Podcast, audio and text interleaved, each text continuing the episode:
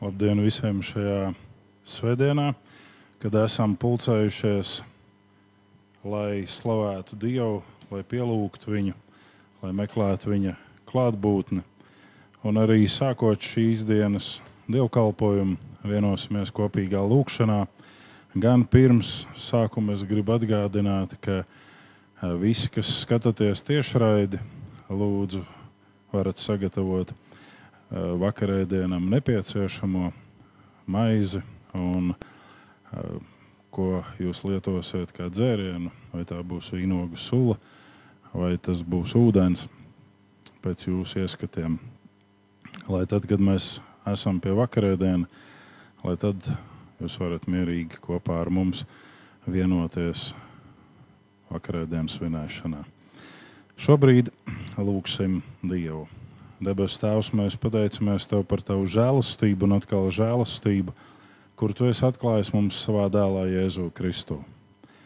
Un es lūdzu, lai Tu pieskaries ikvienam no mums, it īpaši tiem, kuri šajā dienā cieši pie miesas, it īpaši tiem, kas ir vājuma apņemti, nespēka, temperatūru, saslimšanu apņemti. Kungs, pieskaries ikvienam! Un mēs lūdzam, lai tu pieskaries ne tikai fiziskajam ķermenim, bet tu pieskaries arī garam, tu pieskaries prātam, tu pieskaries emocijām. Un katrs mēs varam piedzīvot tavu dziedināšanu, tavu spēku, tavu atdošanu un tavu īpašo žēlastību, ko tu esi pasniedzis kā dāvana bez maksas, ko mēs nespējam nopelnīt bet ko tu esi dāvājis, lai mēs varētu patvērties tavā žēlstībā, lai mēs varētu saņemt apžēlošanu un miruši grēkam, jeb nolieguši grēku, dzīvot tavā taisnībā un tavā šķīstībā. Uz to lūdzam tavu aizsardzību, uz to lūdzam tavu žēlastību un iepriecinājumu tavā svētajā garā. Āmen! Amen. Un šajā brīdī arī vienosimies Bībeles lasījumā. Lasīsim no atklāsmes grāmatas trešās nodaļas, no 19. līdz 21. panti, kas ir diezgan šādu un tad lasīts lasījums, jo mūsu šīs dienas galvenā tēma dievkalpojumam būs iekvēlojies. Un šeit mēs lasām atklāsmes 3, 19, 21. Kurus es mīlu, tos es norāju un pārmācu tad nu esi dedzīgs un atgriezies. Redzu, es stāvu pie durvīm un klauvēju. Ja kāds sadzirdēs manu balsi un durvis atvērs, es ieiešu pie viņa un turēšu ar viņu mīlestību, un viņš ar mani. To, kas uzvarēs, es nosēdināšu savā tronī kopā ar mani, tāpat kā es esmu uzvarējis un apsēdies ar savu tēvu viņa tronī. Āmen!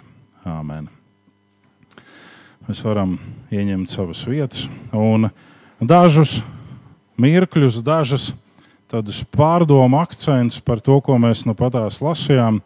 Un kā pirmais ir aba tēvs. Brīdi pirms dievkalpojuma, kamēr notika sagatavošanās darbi dievkalpojumam, bija jautājumi, kurus mēs risinājām, jo arī kāda dziesma no skanētajām šodien, kas skanēs, būs aba tēvs. Principā Ja mēs sakām latviešu kā abas tēvs, tas sanāk vienu un to pašu pateikt divreiz. Tētis, tēvs. Jo grieķiski aba ir mīļais tētis, jeb tētis. Mēs varētu teikt vēl pamazinātākā formā, bet tas ir mīļais tētis. Jā, kādiem var rasties jautājums, vai šī um, 70. un 80. gadu grupa abi nav aizguvuši šo nosaukumu. Jā, viņi ienāca kā tāds mīļais tētis sabiedrībā, kurš paziņoja, ka viss ir atļauts. Mēs nezinām, vai viss der, bet viss ir atļauts. Un, ja viss ir atļauts, un ja tu to gribi, tad tas ir pieņemams.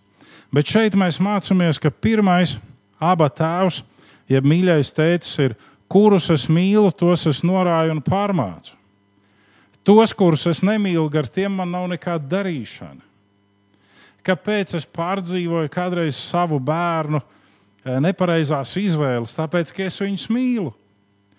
Tāpēc, ka es rūpējos par viņiem. Un debesu Tēvs mīl mūs, un Viņš rūpējās par mums. Un te ir teikts, kurus es mīlu, tos es norāju un pārmācu. Mēs reizēm sakām, jā, baznīcā mēs ienākam un tur tikai par grēku dod vaļā.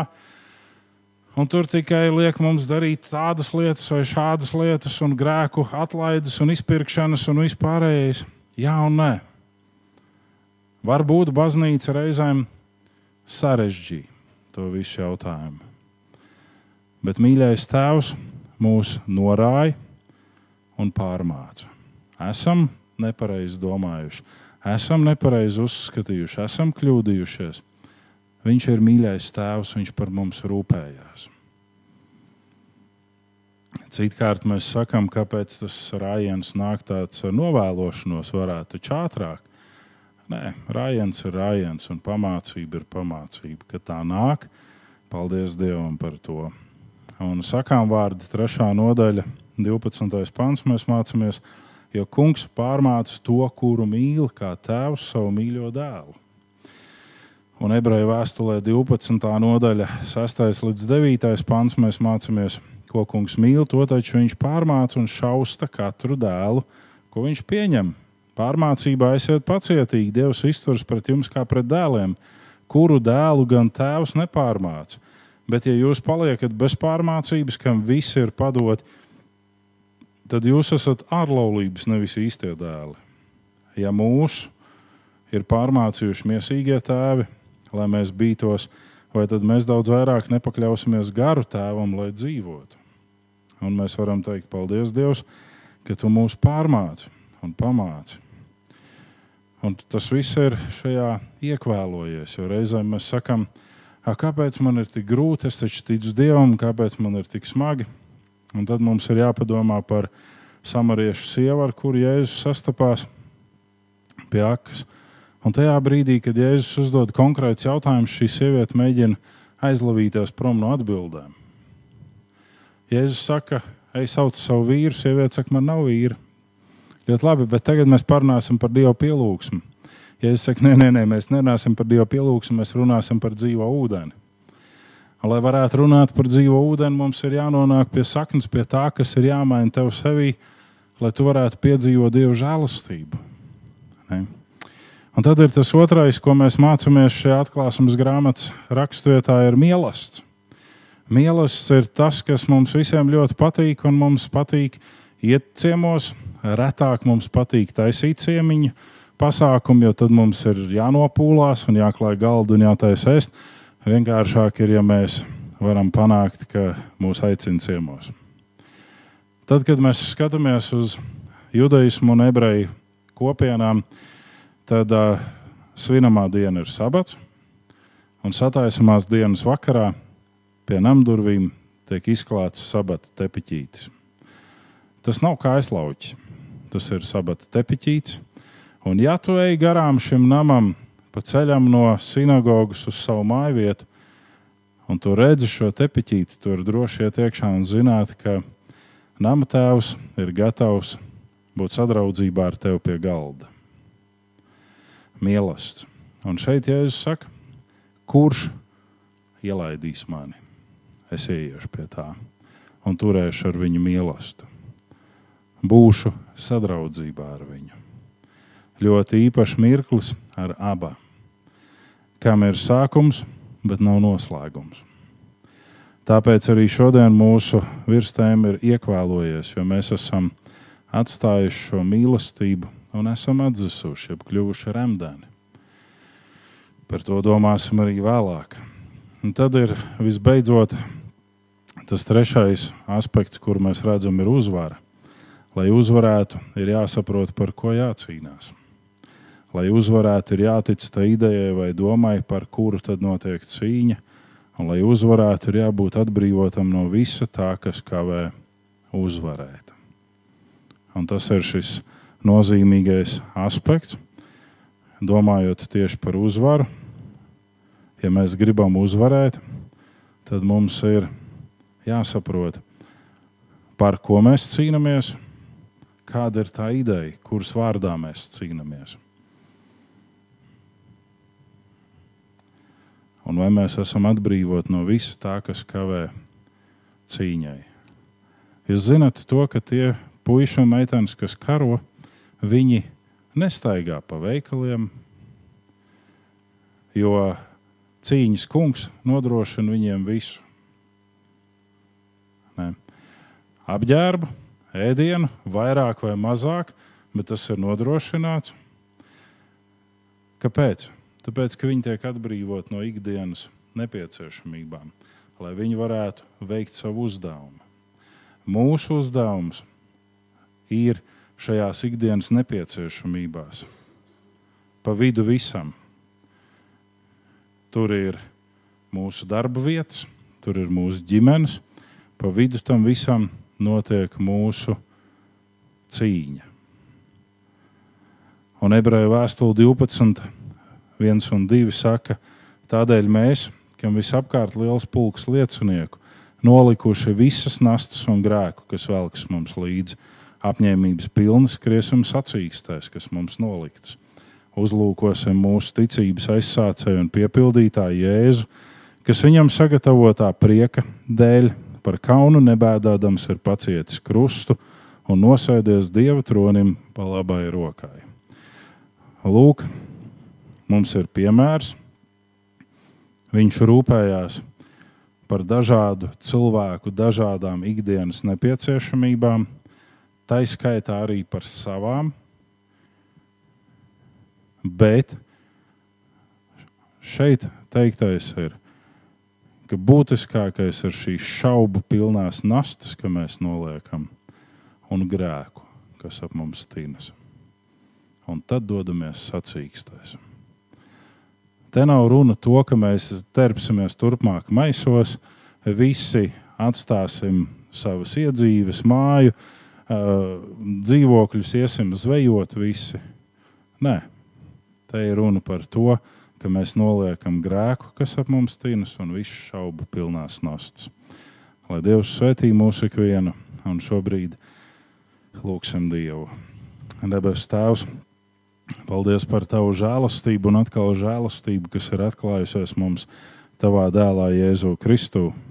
Un es lūdzu, pieskaries mums ikvienam ar savu klātbūtni, ar savu svētību, ar savu mieru, vairo mums katram ticību un paļāvību uz tevi.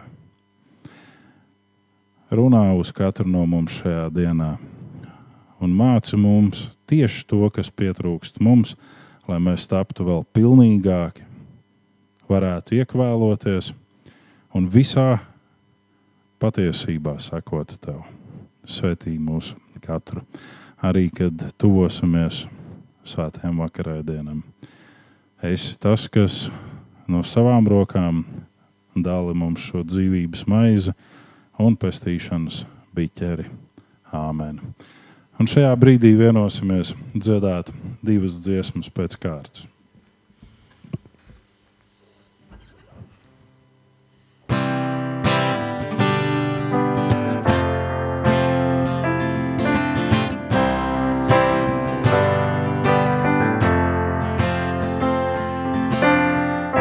Tu esi labs, svētīgs, kas pie tevis tvēras. Dievs, tu esi labs, svētīgs, kas pie tevis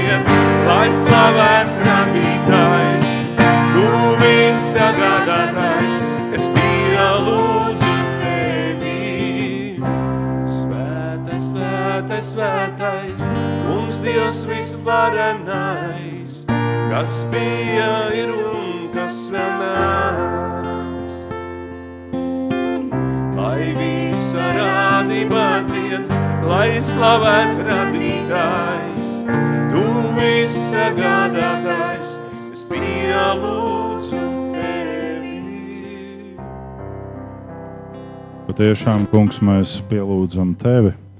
Katrs mēs pielūdzam tevi un meklējam tavu klātbūtni, meklējam tavu tuvumu arī šajā maizē un šajā biķerī. Kungs, visuma valdnieki, tu esi patiesi svēts, visa svētuma avots. Un mēs lūdzam, dari svētu šīs dāvanas ar savu svētā gara dvēsmu, lai tās mums top par mūsu Kunga, Jēzus glābēju miesu un asinīm.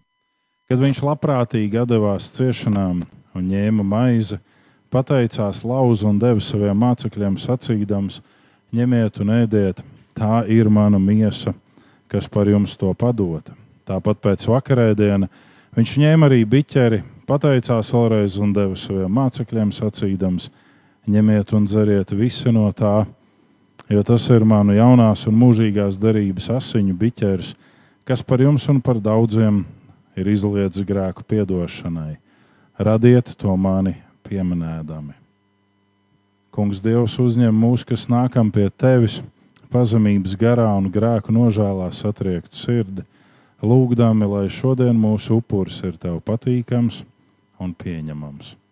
Lūk, ticības noslēpums un liecināsim visi kopā teikdami, mēs vēstīsim par tavu nāvi, kungs, un liecināsim par tavu augšām celšanos līdz pat tavai atnākšanai.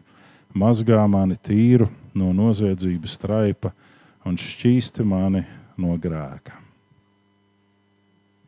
Tāpēc, pieminēdami Jēzus Mesijas nāvi un augšām celšanos, mēs upurējam Tev, Kungs, visum valdnieku un mūsu abu tēvus pateicību par glābšanu, pateicību par vadību, pateicību par atbrīvošanu no grēka verdzības un pieņemam šo dzīvības maizi un pestīšanas biķera asinis un slavējam, ka mums es ļāvis stāvēt tavā priekšā un tev kalpot. Mēs lūdzam, lai svētais gars vieno mūs visus, kas pieņemsim Kristus miesu un asinis. Svētī kungs savu baznīcu visā pasaulē un liec katram tevis aicinātājam pieaugt dievbijā, ticībā, žēlsirdībā, šķīstībā un mīlestībā. Caur Jēzu Kristu, ar viņu un viņā, tev nedalāmam dievam, visam valdniekam, tava svētā gara vienībā ir visgods un slava visos mūžu mūžos. Āmen!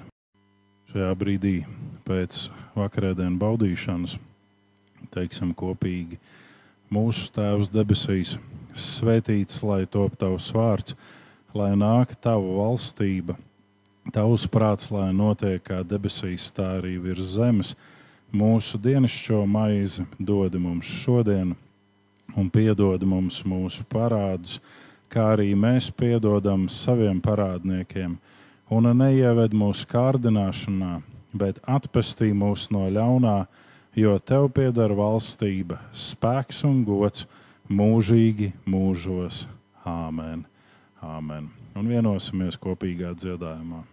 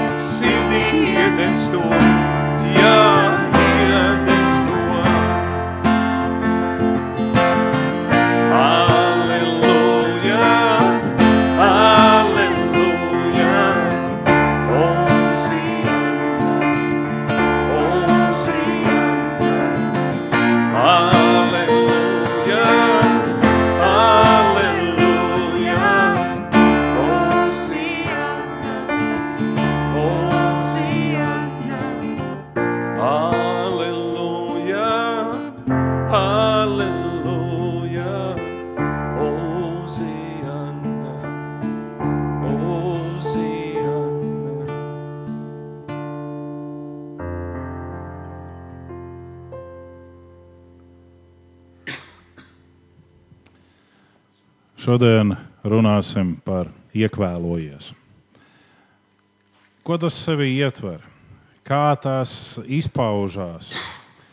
Kāpēc mums vajadzētu runāt par to? Un domājot par šo eh, tēmu, par šo uzrunu eh, no Dieva, es apstājos pie dažām pārdomu situācijām, kad cilvēkiem pietrūkst laiks atcerēties. Mēs esam aizņemti, aizņemti, aizņemti un skrienam, un tad pēkšņi oh, man kaut kas bija.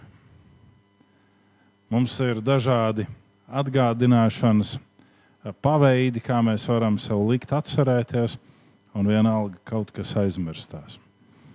Cilvēkiem pietrūks drosmes atzīt.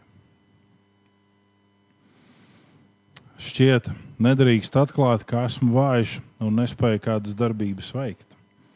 Un visbiežāk tas skar tieši šo saudabīgo formu, lūdzu, piedod man.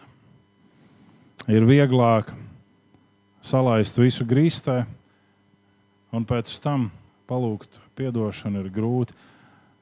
Savā laikā varbūt es tiku apvainots, ka man jau nesot problēmas palūgt atdošanu. Ka es jau varot tik palūgt atdošanu. Lai šie cilvēki, kas šo formējumu teica, paši tiek galā ar savu pārliecību. Bet es nedomāju, ka man ir viegli pateikt, lūdzu, piedod. Un it sevišķi tajā situācijā, kur tas ir šajā dīvainajā subordinācijā, es kā tēvs un mani bērni, kā mani bērni. Un šobrīd viņi visi trīs ir iesoļojuši pilngadībā, un viņiem visiem trīs ir ielikumi Eh, grūti saprast, ka viņi joprojām ir mani bērni, ka neatkarīgi no tā, ka viņi ir pilngadīgi, kamēr viņi dzīvo manā maizē, viņi ir mani bērni. Un tā kā ja viņi grib, lai es viņiem nenorādu tik daudz uz visu, ko, tad viņi var droši soļot savā dzīvē. Bet kamēr viņi ir manā maizē, tikmēr es varu uzstādīt savus noteikumus, vai ne? Bet tad, kad kādreiz es tos noteikumus uzstādu pa diktu vai kā savādāk mēs to varētu traktēt, man ir grūti pateikt, lūdzu, piedod. Un ir situācijas, kurās es ikdienas dzīvē redzu, ka cilvēki, kas ir pret mani darījuši ļaunu, kāpēc man būtu jābūt tam, kurš pirmais iet un saka, lūdzu, piedod, lai vienreiz arī viņi nāk un saka. Ne? To ir grūti pateikt, un dzīvot šajā piedošanā ir vēl grūtāk. Mēs varam it kā verbalizēt un pateikt, es tev piedodu, un pēc tam kulstīt un malt visu to un teikt, jā, bet. Cilvēkiem ir grūti saņemt atgādinājumus, bet vēl grūtāk ir to paprasīt. Lūdzu, atgādini man, kas ir tas vērtīgais, jeb nozīmīgais. Par šo arī mēģināsim šodien kādu mirkli domāt. Un tad, kad mēs runājam par to, ka cilvēki var pateikt, es tev piedodu, bet visu laiku virpināt. Man visu laiku prātā nāk tas viens notikums tam sirmajam precētajam pārim, kurš ēda kāpos zupu pie galda. Un, uh, vienā brīdī sieva rādam karot, ievelk vīram papīri un saka, beidz strēpt. Kad tu strēbi, es to nevaru izturēt. Nu, viņš mēģina klusiņā mēst. Pēc brīža sieva iekrāmē atkal viņam pa galvu. Viņš saka, es taču ēdu klusāk, tu vienalga strēbi. Un man tas kaitina, man tas iet cauri kauliem. Viņi ir pabeiguši ēst, sieva jau mazgā traukus, un viņa pavārni ievelk vīram pa galvu. Viņš saka, bet es taču tagad nestrēbu, bet kad es atceros, kā tu strēbi. Un uh, mums ir ļoti spēcīga šī atmiņa, kā tu strēbi. Ne? Otrā Timoteja vēstule, pirmā nodaļa, 6 līdz 10 panti ir mūsu galvenais teksts. Šā iemesla dēļ es tev atgādinu, lai tu no jauna lietas sevī iekvēloties dievišķajam dāvinājumam, kas tevī dots ar manu roku uzlikšanu. Dievs mums nav devis bailības garu, bet gan spēka, mīlestības un saprāta garu. Tad nu nekaunies no liecības par mūsu kungu, nedz par mani, viņa gūstekni, bet Dieva spēkā līdz ar mani panest ciešanas evaņģēlīja dēļ, jo Dievs mūs ir izglābis un aicinājis ar svēto aicinājumu, ne pēc mūsu darbiem, bet pēc savu nodomu un svētības, kas mums dota glābējā Jēzū, vēl pirms mūžīgiem laikiem. Bet tagad darīt redzama, kad atklājies mūsu glābējs Jēzus, kas ir apstādinājis nāvi un caur evaņģēlīju gaismu vedis dzīvību un neiznīcību. Gaismā vedis dzīvību un neiznīcību. Protams, ka mēs varam tādā mazā atpakaļgaitas ieskrējienā paskatīties, ar ko tad Pāvils noslēdz šo tekstu, un viņš saka, ka glābējs Jēzus ir apstādinājis nāvi. Un tas ir tas, ko mēs šad un tad esam runājuši, ka ticībā uz Jēzu Kristu aizmiega. Nāve ir apstādināta. Un tā ir viena no šīm tiesas formām, kas nāk no Dieva, vai cilvēka ķermenis skar pilnīgi iznīcība vai nē. Bet tas nav mūsu šīs dienas galvenais temats. Mūsu galvenais ir redzēt šos trīs. Dievs nav un ir, Dieva glābšana un lietas iekvēloties, jeb iekvēlini, jeb iekvēlojies. Ko sevī ietver Dievs nav un ir? Kā tas var būt, ka vienlaicīgi Dievs nav un ir? Pirmais pēc aicinājuma iekvēloties, ko Pāvils saka savam garīgajam dēlam Timotejam, ir šis Dievs mums nav devis. Ko tieši Dievs mums nav devis? Dievs mums nav devis to, kas parasti attur cilvēku no iekvēlošanās, un tās ir bailes. Dievs mums nav devis bailes. Mums to ir grūti reizēm pieņemt, jo mēs visi eh, kaut kādos aspektos piedzīvojam šīs bailes, šo nedrošību. Piemēram, cilvēks, kurš iet uz eksāmenu, viņš baidās par to, kā viņš noliks šo pārbaudījumu. Lai cik zinošs un lai cik varošs viņš būtu, viņš vienalga baidās tajā brīdī, kad es aizstāvēju savu maģistra darbu, es varu jums pateikt vienu, neviens cits labāk šo darbu par mani nezina, bet man bija bažas. Jo vienmēr atrodas kāds knipstanga, kurš var teikt, jā, bet tur kaut kas, un tad tev ir jāsāk atspēkot, kas tur ir ne tā. Ne? Un Dievs mums nav devis šo bailības garu. Un tas, kas kavē iekvēlošanos, ir šīs bailes. Bailes no dažāda veida nezināmā. Tie ļaudis, kuri ir, kā mēs sakām, bravūrīgi, nemaz nav drosmīgi. Bet aiz šīs bravūras tiek noslēpta rakstura un būtības vājība. Dievs nekad nedod mums bailes. Un tad, kad mēs skatāmies uz šo bravūru, savā laikā Čikāgas piecīšiem bija tāda dziesma par tiem ļaudīm, kas bāzuši kājas mums priekšā, mēs atbāztu kājas atpakaļ. Un tad, kad mums kā tautai vajag zināmos jautājumos būt vienotai, un es šobrīd nedomāju vakcinācijas jautājumu, bet dažādi citi jautājumi mums ir kā tautai nepieciešami. Mēs neesam vienoti. Mēs katrs aizvalkam savu būdu maliņā Līdz ar to tā ir tikai tāda bravurīga izteiksme.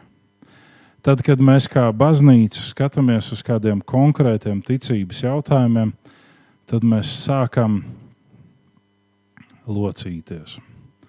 Vispilgtāk es atceros to brīdi, kad uh, savas pacifistiskās nostājas dēļ tas nenozīmē, ka es neņemu rokās vai saviem bērniem esmu liedzis kādreiz paspēlēties ar spēļu ieročiem bet es uzskatu, ka lielā plānā nav jālieto ieroči. Un šīs nostājas dēļ es tiku savā brīdī, 90. gada pašā sākumā, aizsaukts uz tiesas zāli, kur kāds uh, no tā brīža draudzes puišiem atteicās dienesta laikā ņemt rokās ieroci jo tā bija tā brīža baznīcas nostāja. Un tad, kad iestājās šis advokāts, kas aizstāvēja armiju šajā tiesas prāvā. Un es biju liecinājis, ka Bībele skaidri runā par uh, ieroču nelietošanu. Tad šis advokāts izvilka vēstuli no papīriem un teica, bet jūsu biskups raksta, ka baznīca nenoliedz ņemt rokās ieroci. Lūk, kāda vienprātība. Cik spēcīgi mēs stāvam par kādu ideju, līdz ko tas nonāk. Valstiskā līmenī mēs sākam locīties kā čūskveidīgas zivis, zuši. Mēs, à, nu, nu, tomēr nē, nu, varbūt jā, un varbūt tā. Tā tad tā mūsu bravūra nav drosme. Tā ir tikai kā tāds aizsaks vājībai. Un reizēm cilvēki saka, nu, vajag iedzert 50 gramus vai 100 gramus stipra dzērienu, un tad uzreiz tu kļūsti brīvs. Patiesībā parādās šajā personā nevis drosme, bet pilnīgi bez bremžu bravūra. Un šis cilvēks nevis ir atbrīvots, bet viņš vienkārši izlādē visu to, kas viņā ir sakrājies. Un tā nav drosme. Bailes ir vienmēr, un tās ir tikai un vienīgi no sāpēm. Jo cilvēkam nepatīk jebkāda veida sāpes, un bailes rodas tur, kur var būt sāpes. Vienalga, vai tās ir emocionālas sāpes, vai tās ir fiziskas sāpes, vai tās ir sāpīgas domas, vai tā ir šī vientulība, tās visas ir sāpes. Un cilvēkam ir bail no šīm sāpēm. Kāpēc tev ir bail staigāt pa tumsu? Nu, tāpēc, ka visādi bandīši staigā apkārt. Ko bandīši dara? Viņi jau nenāk klāt, nesaka, klau, vai tev palīdzēt aiziet līdz mājām.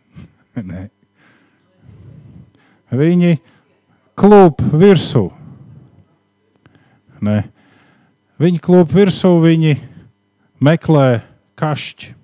Un šis kašķis parasti rada sāpes, jo kāds ir cietais. Reti, kad bandīši staigā pa vienam, un ja viņi staigā pa vienam, tad viņi meklē upuri, kas ir vājāks par viņu. Nē, tas pats ir emocionāli. Mēs meklējam izvairīšanos no šīm sāpēm.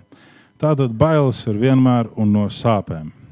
Bet Dievs dod ir tas otrais, kas ir Tā tad Dievs nav un Dievs ir. Dievs dod. Un tas ir turpinājums. Dieva, Dieva kā tēva sniegums ir ļoti konkrēts un ļoti saprotams. Un viņš dod trīs emocijas, trīs spējas, jeb trīs lielos. Un tas pirmais ir spēku. Dievs dod spēku nevis lai pierādītu kādam un kaut ko, ne arī lai varētu būt meistarīgi, bravurīgs, bet lai piepildītu visu, kas ikdienā ir jāpaveic, lai ticība turētu līdz pilnīgai uzvarai un ticībā pildītu savu ikdienu. Un tad, kad mēs sakām šo ticībā pildīt savu ikdienu, tad cilvēkiem parasti ir tā sajūta, jeb tās bildes, ka, ah, es braukšu tagad trolēļbusā, es ieraudzīšu baznīcu ar krustu, kupolā, un man uzreiz ir jāmet krusts vai jāmetās ceļos, vai jāskūpst kaut kas. Hei, tā nav ticība. Tās ir formas. Tā nav ticība, tās ir formas. Tā ir reliģija. Mēs runājam par ticību. Un mēs runājam par spēku. Nevis lai kādam pierādītu un atbāztu tās kājas atpakaļ, bet lai ar dievišķu spēku un gudrību risinātu tos jautājumus, kur ir grūti risināmie jautājumi mūsu ikdienā. Mēs šodien sastopam ar savā darba vidē, varam sastapties vai savā ikdienā ar cilvēkiem, kas ir narcistiski, egoistiski, sociopātiski, sadisti.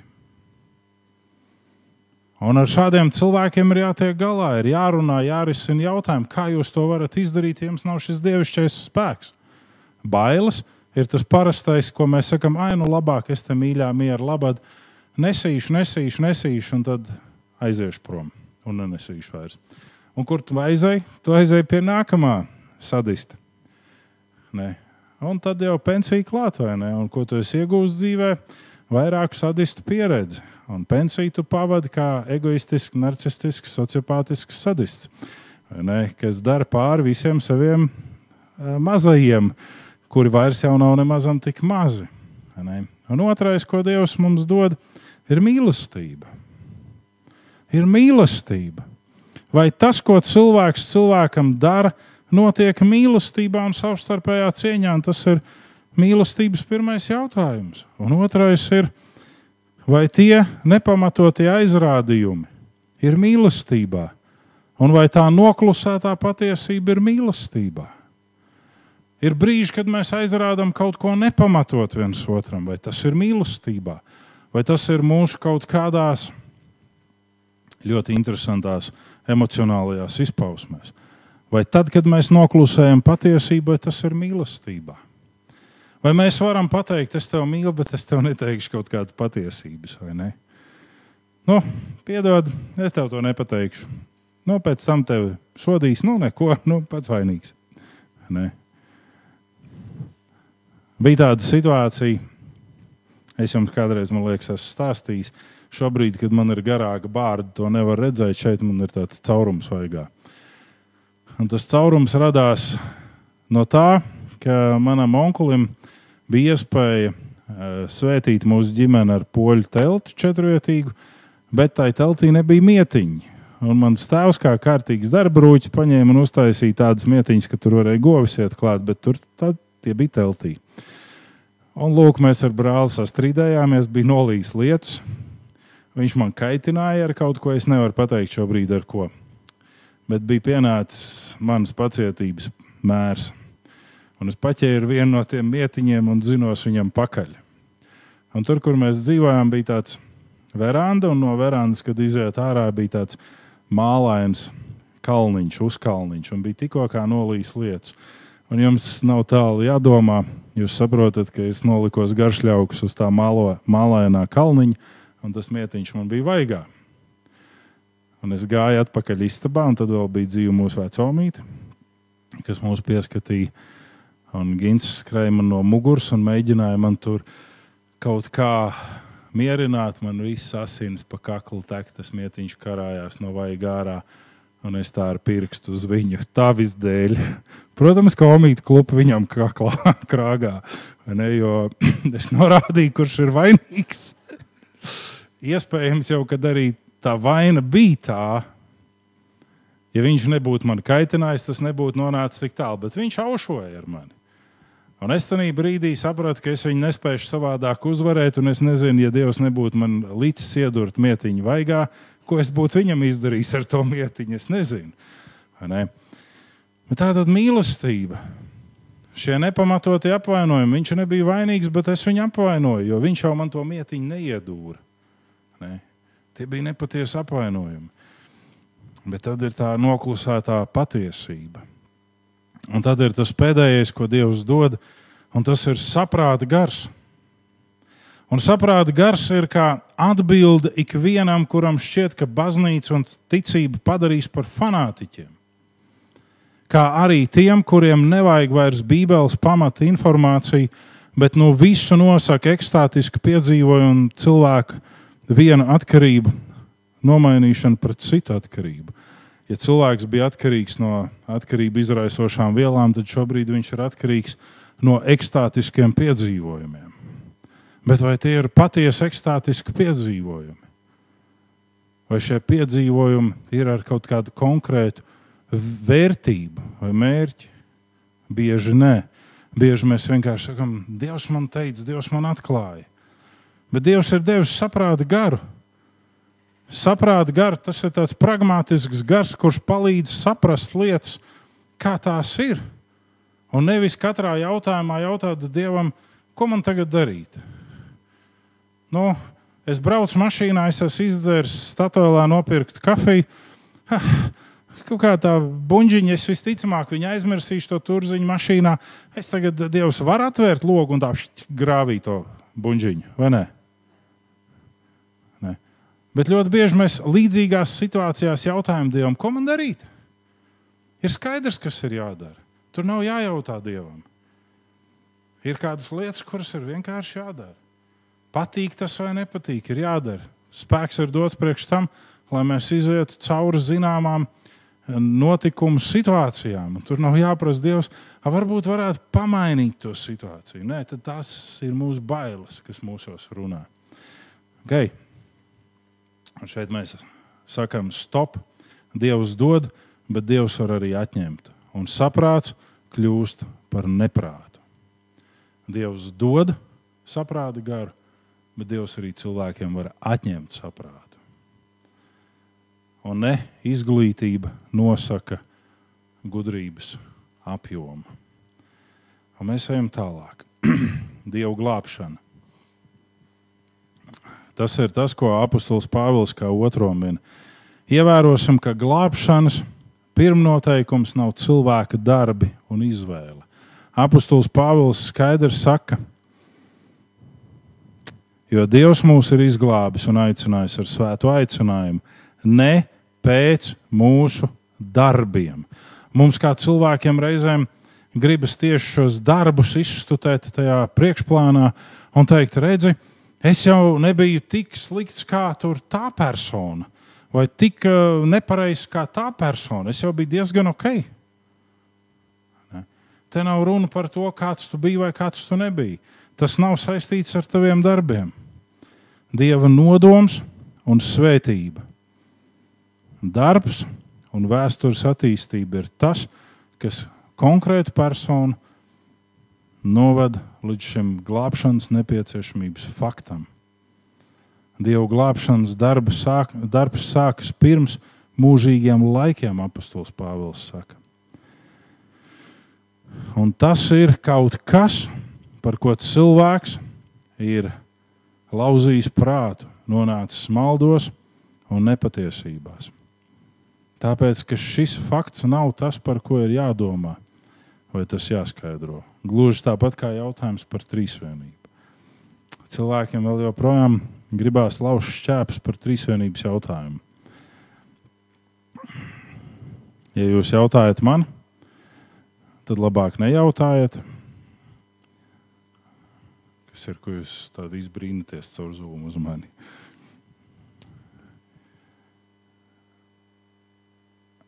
Bībeliski trīsvienības nav. Bībeliski ir viens nedalāms Dievs. Tas, ka baznīca vēsturiski ir snieguši šo skaidrojumu, ka ir trīsvienīgs Dievs, nē, ir skaidri un gaiši lietots ebreju vārds attiecībā uz Dievu, kas ir ehāda. Viens, nav trīs, ir viens. Bet, kā jau es teicu, šķēpes lauzt par to nav jēga, jo arī daudz izglītot un augstu izglītot cilvēku vēl joprojām pastāv pie tā, ka ir trīs. Tā ir viņu izvēle. Un tas nav šķēplaušanas jautājums. Tieši tāpat kā jautājums, kā tas nākas, ka Dievs pirms mūžīgiem laikiem ir paredzējis glābšanu. Nu, kā tas tagad sanāk, ka viss vecā derība ir tāds Dieva glābšanas plāns, un kas tad notiek ar tiem cilvēkiem? Un tad baznīca ir sniegusi kādu atbildi uz šo jautājumu. Vai tas, kas notiek šajā vēstures attīstības procesā, mums kaut ko radikāli maina šodien? Un es jums varu pateikt vienu ko tas maina. Ja mēs zinām, ka Dievam ir plašāki žēlastības apmēri, kā mēs to varam iedomāties, tad mēs pieņemam, ka mēs varam daudz vairāk grēkot un vienalga saņemt glābšanu. Tas ir vienīgais iemesls, kāpēc mums vajag kasīties pa milzīgu čupu kā vistai.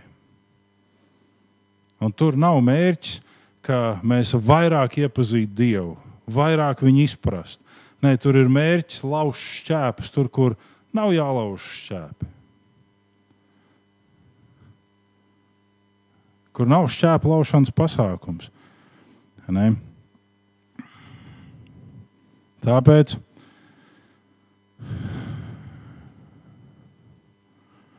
arī nevajadzētu stāstīt, ka ir cilvēki, kuriem Dievs īpaši ir atklājis kā tur viss notiek. Jo apustulis Pāvils saka, ka mēs esam Dieva noslēpuma namturi. Ir kādas lietas, kas nevienam nav atklātas, kas ir Dieva noslēpums. Un mēs esam šī noslēpuma namturi. Un viņš saka, ka šo noslēpumu mēs glabājam māla traukos. Nevis zelta, nevis fajans, nevis kristāla, bet māla. Un šis noslēpums tiek glabāts mūsos, kā traukos, caur ticību. Mēs vienkārši nelaužam šķēpes, mēs uzticamies. Neatkarīgi no tā, vai tur ir trīs vai ir viens, bet tā tad ir šis dievišķais spēks, kas mums tiek dāvināts. Ir bijis iemiesotais dievs, un mana ticība ir, ka tā nebija dieva otrā persona, bet ka pats dievs pēc rakstiem ir teikts, ka visai dieva pilnībai lapa tika iemājot šajā personā Jēzū. Un viņš nonāca šeit. Un tas, kas mira pie krusta, nebija kāda daļa no Dieva, bet tas bija Dievs. Mūsu grēku dēļ. Tas ir viens vienīgs Dievs. Un līdz ar to es pieņemu, ka tas ir ļoti grūts jautājums, bet par to mēs šodien nerunājam. Ir skaidri jautājumi, kur mums ir jāīsteno mūsu ikdienā. Bet tiem cilvēks nevēlas pieskarties un par to domāt, jo šķiet, ka tie ir tik ļoti vienkārši jautājumi. Tie ir tik ļoti maziņi jautājumi. Nu, kāpēc man risināt tādu mazu jautājumu, viņš lūk tādu lielu jautājumu? Piemēram, jautājums par to, kā dzīvot, lai būtu glābšanas cienīgs gājums. Lai dzīve izplata saldu smaržu, nevis neizturam smaku. Nē nu kā, kā mēs varam dzīvot. Ja apustulis Pāvils saka, ka mēs, nu tātad viņa apstuļi, dzīvo un ir par saldu smaržu, nevis par neizturamu smaku. Un tajā brīdī, kad tu no rīta pamosties un tev ir kaut kāda vainas apziņa par to, ka atkal vakardien tu esi sastrādājis kaut ko, ko tu pat īsti neatceries, nu tā ir tāda vaņučka visur. Nē. Un ja tevī sākās šīs uh, lauzējas sajūtas, ka tā, nu, baigi gribās, bet varbūt nevajag, ne, bet ļoti gribās, vai ne, nu, tad tur jau sākās tāda smirdoņa mazliet. Un apustulis Pāvils saka, mēs dzīvojam par saldu smaržu. Un tam mums ir vajadzīgs šis dievu glābšanas jautājums. Tā tad Dievs mūs glābi neatkarīgi no mūsu darbiem, bet tad, kad mēs esam glābti, tad mūsos notiek šīs transformācijas, ar kuru palīdzību mēs vairs nedzīvojam tā kā pirms glābšanas. Bija šis uh, notikums cara Nikolai armijā ne tādēļ, ka mani vectēvs un vecvectēvs bija Nikolai, bet uh, man šis cars kaut kādā mērā ļoti simpatizē. Un tas ir tas pēdējais Nikolais, kuru Leņņņins noslepkavoja un viņa banda. Nē. Un, eh, līdz ar to ir cara Nikolai armija. Un eh, šajā armijā ir iesaukts viens zaldāts, kurš ir ļoti azartīgs kāršu spēlmans. Un viņš ir nospēlējis visu, ko var nospēlēt. Un jūs zināt, eh, visticamāk, vismaz tie, kas ir gados senāki, jūs zināt, ka pēdējā likme, uz ko parasti spēlē, ir dzīvība. Tad, kad vairs nav ko maksāt, tad maksā ar dzīvību. Un tev ir divas izvēles, vai nu tevi, vai nu tu kādu.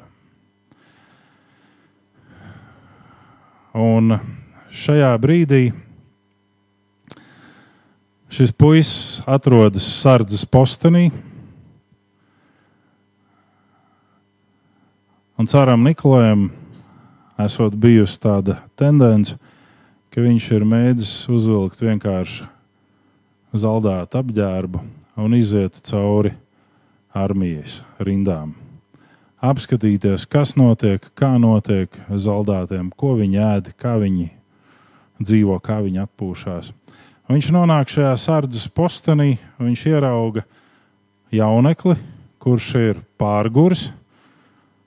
Jo kreņķi un depresija ir arī tas, kas mūs pastiprināti nogurdina, un kurš ir aizmidzis šajā sardzes postenī. Un viņam, nu, tā kā vajadzētu pamodināt šo puisi, bet viņš redz divas lietas. Pirmais ir šis saraksts ar visu, ko viņš ir nospēlējis kārtīs. Un apakšā ir jautājums, kurš to var samaksāt. Un viņš redz arī otru faktu, ka šis aizmigušais puisis ir viņa jaunības drauga un uh, armijas biedra dēls. Viņš paņem to pašu pildspalvu, kas ir jauneklim blakus, un viņš kaut ko uzraksta uz tās lapiņas un mierīgi smaidot aizsoļot tālāk. Pēc kāda brīža jauneklis pamostās, un viņš iet cauri visam šim sarakstam, cik, kur, kam viņš ir parādā. Un arī šis jautājums, kurš to var samaksāt, un tad viņš ierauga šo uzrakstu. Atbilde uz jautājumu, kurš to var samaksāt? Nikolais.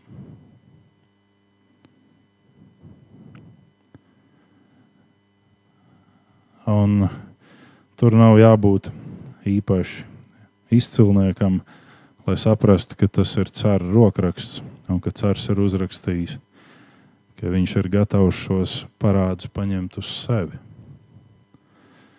Un tas ir šis glābšanas aspekts. Ka tajā brīdī, kad tu savā dzīvē nonāc līdz tam līnijai, kad tu saproti, ka tev viss ir Visa tava dzīve līdz šim ir bijusi kā zebra. Balts, melns, balts, melns, balts, melns, un tagad ir tas aizmugurējais viduspunkts, un tajā tu esi iesprūdis. Un kurš var man izvilkt no tā visa? Tad nāk dieva glābšana. Bet tad, kad Dievs tevi izvelk no tā aizmugurējā viduspunkta, tad vairs nepastāv šis balts, melns, balts, melns tad vajadzētu būt mainītam skatam, mainītai uztverei. Un tas ir tas, par ko Pāvils runā tālāk. Viņš saka, lietas iekvēloties. Jo tad, kad Dievs mūs katru savā brīdī ir izvilcis no šī aizmugurējā viduspunkta, tad mēs esam piedzīvojuši šo izmainīto skatu brīdi. Un pēc laika Mēs esam teikuši, jā, bet, zini, vispār tādā aizmugurējā viduspunktā, kad es biju iesprūdis, tur bija silti. Iešu no atpakaļ. Iesprūdīšu atkal. Gan jau Dievs man dos otro, trešo, piekto iespēju. Un apustulis Pāvils saka Timotejam, lietas iekvēloties. Timotejs tik ļoti tuvu stāvošs tiešajiem Jēzus mācekļiem, Bet Pāvils šo pavēli saka, lietas iekvēloties no jauna. Tā tad arī Timotejs bija atsalis. Vai tas attiecas arī uz cilvēkiem šodien? Nešaubīgi un pilnīgi var droši apgalvot, ka katrs cilvēks piedzīvo šo kāpumu, jeb iekvēlošanos un kritumu, remdenību. Un mēs sākam savā remdenībā vainot Dievu, ka mums nav tādi dzīves apstākļi, kā tur, jebkam. Un tad mums ir dažādi piemēri, pret kuriem mēs sev salīdzinām. Savā laikā viens mans pazīstams cilvēks teica, ir slikti laiki, un es viņam jautāju, kā izpaužās šis sliktums.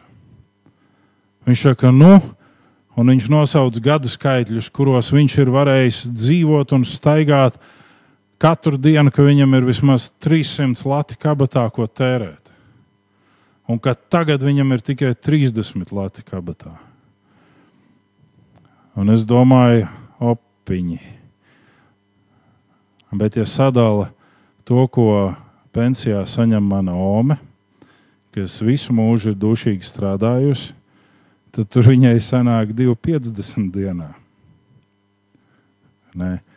Un par to viņai ir jānomaksā komunālie rēķini un vēl jāpēda. Bet tavā gadījumā 30 kabatā ir tad, kad tu esi visu izdarījis. Ne? Un tā tad mēs sakām, Dievs mani nemīl, jo man nav tie 300 kabatā katru dienu. Ja Dievs mani nemīl, jo tad mēs uzskaitām, kāpēc vispār ticēt Dievam, jo man ir tādas problēmas vai šādas. Un tas ir pēc tā brīža, kad mēs esam bijuši tajā karstajā ticības kvēlē. Un tad mēs esam tapuši remdeni. Un, lai mākslīgi uzsildītos, mēs esam atgriezušies aizmugurējā viduspunktā un iesprūduši tur. Labprātīgi. Jo tur ir siltāks. Un mēs esam remdeni.